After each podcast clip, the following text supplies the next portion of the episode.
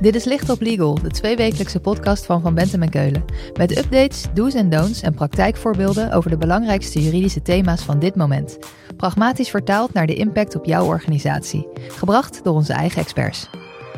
Als je in je contract opschrijft als opdrachtgever dat de debiteur aansprakelijk is als hij toerekenbaar tekortschiet, dan haal je een stelplicht en een bewijslast naar je toe ter zake van de toerekenbaarheid die op de wet, volgens de wet helemaal niet op je rust. Dus dan doe je jezelf eigenlijk tekort. Zo'n 85% van de bedrijfsjuristen vindt dat commerciële contracten onnodig uitgebreid of complex zijn. Dat blijkt uit een enquête die Marcel Ruigvoorn hield onder een representatieve groep bedrijfsjuristen voor zijn oratie. Less is more, voldoet ons contractrecht nog. Wat dit betekent voor de praktijk? Daarover praten we in deze Licht op Legal. Marcel stelt zich even voor. Mijn naam is Marcel Ruigvoorn. Ik ben advocaatpartner bij Verbentem en Keulen en bijzonder hoogleraar nationaal en internationaal commercieel contracteren aan de Universiteit Utrecht. En op 7 maart van dit jaar sprak Marcel zijn oratie uit. Marcel, we gaan daar zo uitgebreid op in. Maar eerst heel even de kaders. Contracteren, waar hebben we het dan over? We gaan het in deze podcast hebben over commerciële contracten. En met commerciële contracten bedoel ik dan contracten in een business-to-business verhouding. Hè? Dus waar geen consumenten bij betrokken zijn, waar het consumentenrecht geen toepassing vindt. En de hypothese van jouw oratie is dat die commerciële contracten steeds dikker en complexer worden. Hield daarover een enquête onder een grote groep bedrijfsjuristen. We verklapten het al in de inleiding, maar klopt jouw vermoeden? Dat klopt inderdaad. We hebben een representatieve groep bedrijfsjuristen de vraag voorgelegd uh, hoe zij daartegen aankijken. En ja, ruim 85% geeft aan dat de commerciële contracten de laatste pakken bij 10 jaar eh, niet alleen veel dikker zijn geworden, maar ook juridisch inhoudelijk veel complexer. En heb je een voorbeeld van waar het echte spuigaten uitliep? Nou, om je daar een, voorbeeld van te geven. Eh, onlangs eh, had ik een, een, een geschil uh, dat was beëindigd ehm, eh, tussen partijen. En daar moest een, een, bedrag betaald worden. En dan was het klaar. Finale kwijting over en uit. Ja, dat, dat is een, een regeling die waarschijnlijk eh, vijf of tien jaar geleden in, in de onderlinge e-mailcorrespondentie tussen de advocaten zou zijn vastgelegd. Terwijl, um, nou, ik had een vaststellingsovereenkomst opgesteld van vier pagina's. Uh, en ik kreeg uiteindelijk van de advocaat van de wederpartij er 15 terug. Een 15 pagina tellende reactie op vier pagina's tekst. Klinkt inderdaad buitensporig. Maar het is kennelijk aan de orde van de dag tegenwoordig. Hoe heeft het zover kunnen komen dat er bijna hele romans worden geschreven als het op contracten aankomt? Ja, die vraag die heb ik eh, uiteraard in het kader van de enquête voorgelegd aan de bedrijfsjuristen. En daar komt een, een wat, ja, wat gemeleerd beeld uit naar voren, maar wel met een hele duidelijke rode lijn. Um, met stip op één wordt gerefereerd aan de invloed van de Anglo-Saxische contractenrechtpraktijk. En dat is um, Amerika, uh, Engeland. Daar eh, kennen ze niet het burgerlijk wetboek zoals wij dat kennen. Ze kunnen daar niet op terugvallen. Uh, ze kennen ook niet het beginsel van de redelijkheid en billijkheid zoals wij dat kennen. Um, wel iets vergelijkbaars, maar uh, wat minder ingrijpend. En daarom is het dus ook in die cultuur, in die, in die juridische cultuur van die landen, gebruikelijk dat je in een contract veel vollediger bent en veel meer regelt dan wat wij naar Nederlands recht in een contract beho behoeven te regelen. Dus dat, dat is wat ik dan noem de veramerikanisering, hè, de, de, de hang om de Anglo-Saxische contractenrechtpraktijk te kopiëren. Um, daarnaast wordt genoemd de toename van complexe en nieuwe wetgeving. Denk aan de AVG, denk aan anti-witwas, anticorruptie en de laatste maanden, de laatste jaren misschien wel ESG. Eh, als complicerende extra uh, uh, problemen die nou ja, uh, getackeld moeten worden in een contract. En als derde de wens van de directie, de commerciële afdeling van een onderneming, om te proberen op voorhand alle risico's zoveel mogelijk bij de wederpartij over de heg te gooien. Om op dat laatste in te haken, als beide partijen die houding hebben, dan blijf je toch eeuwig touw trekken? Nou ja, het, het, het probleem is dat um, als, met name als beide partijen dat tot uitgangspunt nemen, uh, dat de onderhandelingen natuurlijk wel enorm bemoeilijkt. Bovendien moet je je afvragen of het eenzijdig neerleggen van alle risico's bij de wederpartij nou wel de meest optimale manier is uh, om commercieel te contracteren. Kijk, commercieel contracteren is in feite niets anders dan het reallokeren van risico's ten opzichte van de wet. En het reallokeren van risico's ten opzichte van de wet is in beginsel eigenlijk altijd financieel kwantificeerbaar. Ik, ik bedoel daar het volgende mee. Als ik eh, met, mijn, met een wederpartij in Duitsland onderhandel en, en mijn wederpartij die houdt vast aan de toepasselijkheid van Duits recht en de bevoegdheid van de Duitse rechter. En dan weet ik op voorhand al dat als wij zo meteen een geschil krijgen, dat ik dan extra kosten moet maken. Ik moet een Duitse advocaat inhuren. Ik loop allerlei risico's op, op vertaalproblemen, op interpretatieproblemen. Ik weet niet hoe Duitse recht in elkaar zit. Dus misschien heb ik daar wel steken laten vallen in de precontractuele fase. als ik ruzie krijg eh, en ik moet in Duitsland procederen, dan moet ik naar, naar de Duitse rechter toe en procederen volgens een, een, een rechtsvorderingssysteem dat ik niet ken.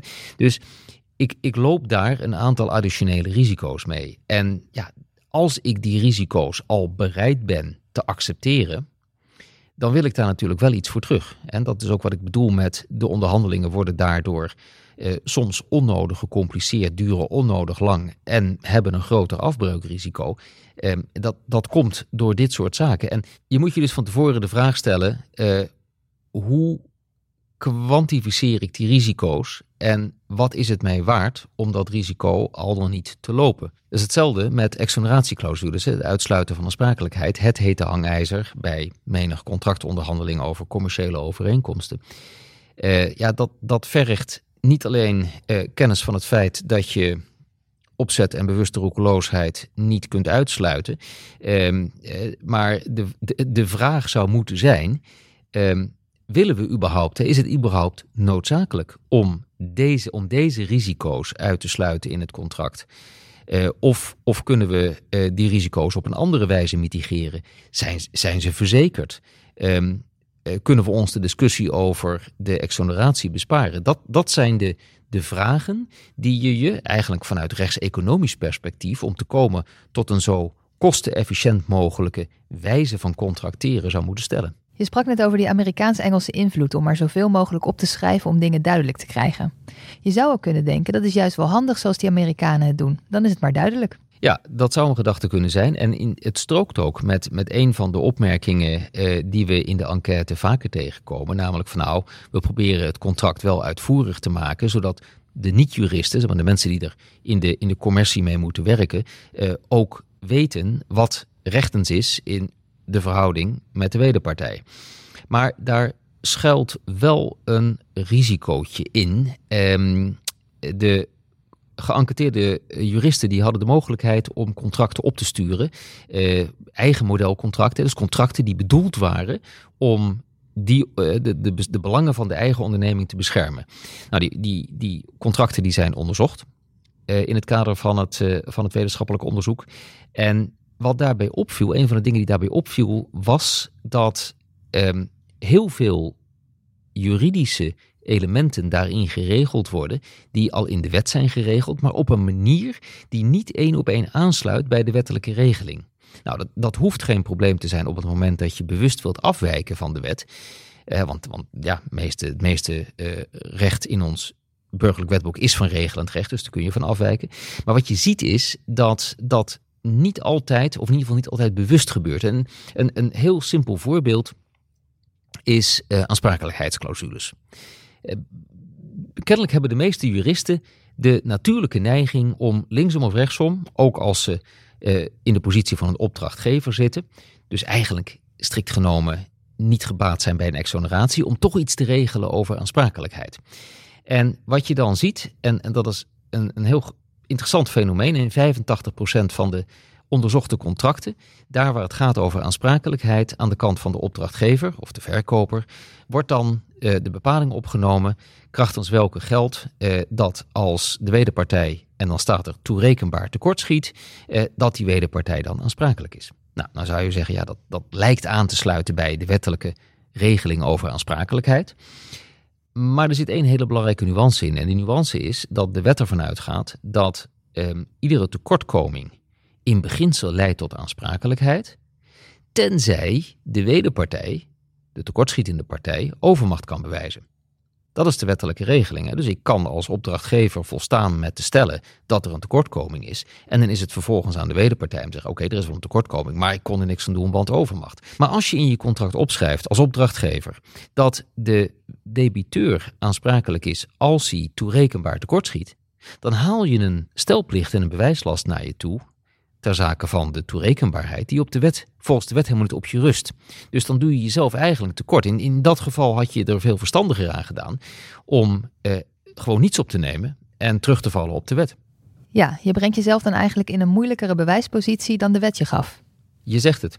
En, en dat is iets wat je niet alleen bij aansprakelijkheid ziet, maar bijvoorbeeld ook bij regelingen over overmacht of bij regelingen over ontbinding. Ook daar zie je dat vaak een alternatieve bepaling wordt opgenomen, die, als je hem op de keper beschouwt, eh, veel eer in het nadeel is van de partij wiens belangen beoogd worden te beschermen, eh, dan het eh, extra bescherming biedt.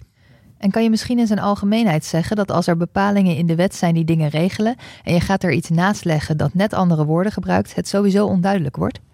Ja, dat is, dat is een, ander, een ander fenomeen wat we, wat we zien in die contracten die geüpload zijn. Eh, dat je juist door deze handelwijze vaak meer onzekerheid creëert dan het contract beoogt aan rechtszekerheid partijen te verschaffen. Ehm, een, een, een, voorbeeld daarvan, um, wat je heel veel ziet, is het schadebegrip. De wet definieert het schadebegrip als geleden verlies, gederfde winst en ander nadeel, voor zover de wet recht op vergoeding daarvan toekent, hè, de immateriële schade. In contracten zie je heel vaak dat gewerkt wordt met schadebegrippen die niet aansluiten bij die wettelijke terminologie. Neem, neem bijvoorbeeld het begrip directe schade of het begrip indirecte schade. De wet kent die termen niet. En als je dat niet in het contract definieert, is dat een potentiële bron van geschillen. Ik heb in de schriftelijke uitwerking van mijn oratie daar een groot aantal voorbeelden van genoemd. Uh, allemaal geënt op het begrip directe schade. En als je dan ziet uh, hoe de feitenrechtspraak daarmee omgaat, dan zie je dat, een beetje afhankelijk van de situatie, rechters aan de rijkwijde van die begrippen hele verschillende uitleggen geven. Het maakt het er allemaal niet makkelijker op. Nu kwam ook uit de enquête dat het moeilijker wordt vanwege complexe wet en regelgeving. Maar speelt de rechtspraak hier nou ook nog een rol in? Ja, dat, dat, dat komt ook uit de enquête naar voren. En dan met name um, op het, het, het uitlegleerstuk. We, we weten in, in uh, die zei in 1909 al, woorden zijn nooit duidelijk. Maar in die tijd gold wel dat, nou ja, wat, als, het, als het grammaticaal allemaal een beetje klopte, dat op, wat op papier stond tussen partijen rechtens was. Dus partijen konden daar uh, wel op vertrouwen dat datgene wat op papier stond tussen hen gold. Nou, toen kregen we het Haveltex-arrest. Uh, dat zegt dat je niet alleen maar af mag gaan op datgene wat op papier staat, maar dat je ook moet kijken uh, bij de uitleg daarvan wat partijen over en weer redelijkerwijs van elkaar mochten verwachten en uit elkaars gedragingen mochten afleiden. Dus dat, dat werd al een stukje vager. Die Haveltex-rechtspraak die is natuurlijk nog veel genuanceerder uitgewerkt door de Hoge Raad. En waarbij uh, zelfs als volstrekt helder is in, in objectieve zin wat er op papier staat tussen twee ondernemingen. En zelfs als die ondernemingen zijn bijgestaan door ervaren juristen bij het opstellen van dat contract, kan het nog steeds zo zijn dat als een van partijen een gemotiveerd bewijsaanbod doet van de stelling dat datgene wat op papier staat en objectief helder op papier staat, toch niet reflecteert wat partijen beoogd hebben met elkaar af te spreken, de rechter die partij toe moet laten tot het bewijs eh, dat datgene wat op papier staat inderdaad niet is datgene wat partijen beoogd hebben af te spreken. En als je dan ook nog eens een keertje kijkt naar de uitspraak van Ahold tegen de franchise-nemers, eh, dan zie je dat zelfs de perceptie van een van de contractpartijen in de precontractuele fase, voor zover de wederpartij niet kenbaar, toch een rol kan spelen bij de opvolgende interpretatie van datgene wat, ja, laat ik dan maar zeggen, objectief helder op papier staat. Dus het is, um, laat ik zeggen, als je een contract sluit, zelfs in een business-to-business verhouding en zelfs als je daar bent, bent bijgestaan door professionals, eh, is dat geenszins een zekerheid eh, dat je ook af mag gaan op de tekst zoals die grammaticaal uiteindelijk uit het contract naar voren komt. Maar dat geldt dan toch net zo goed als je de contracten een stuk korter en eenvoudiger houdt? Op zich heb je daar gelijk in. Maar er staat tegenover dat hoe meer tekst je aan een overeenkomst toevoegt, des te groter de kans is op interpretatieverschillen. Nu luisteren er veel bedrijfsjuristen naar deze podcast. Wat moeten zij hier nou mee? In eerste instantie uh, realiseer je dat de wet misschien wel eens meer kan regelen dan je denkt. Dus maak beleid op de, de punten die voor jouw onderneming belangrijk zijn. Wat, wat zijn de wezenlijke onderdelen uh, in deze overeenkomst waarvoor geldt dat, ze, dat het van belang is voor jouw onderneming om die te regelen. En regel die uiteraard, maar regel niet de dingen uh, die irrelevant zijn. Het, tweede uh, sluit aan bij het eerste. Hè. Regel wat nodig is en, en, probeer je daartoe ook te beperken. Want realiseer je dat alles wat je extra wilt regelen, bij de ander waarschijnlijk uh, de wens oproept om iets uit te ruilen. Hè, voor wat hoort wat. En, en als derde punt, um, als je iets wilt regelen dat al in de wet is geregeld, probeer je dan, tenzij je bewust van de wet wilt afwijken natuurlijk, probeer je dan zoveel mogelijk aan te passen aan de wettelijke terminologie. Uh, in plaats van om zelf termen, vage termen te creëren, ja, tenzij je die natuurlijk weer gaat definiëren. Um, maar eh, ik heb net een, een, paar voorbeelden gegeven van situaties die ontstaan op het moment dat je wel iets regelt wat al in de wet geregeld is, maar dat net even op een andere manier doet, eh, waardoor uiteindelijk diezelfde bepaling meer vragen kan oproepen dan het rechtszekerheid creëert. Marcel, dankjewel. Als we meer willen weten, waar kunnen we dan terecht? Via e-mail marcelruigvoorn.vbk.nl. Um, telefoonnummers vindt u op de website. En in toevoeging daarop, als u belangstelling heeft voor de volledige tekst van de oratie, dan kunt u die via de website van Van Bentem Keulen aanvragen.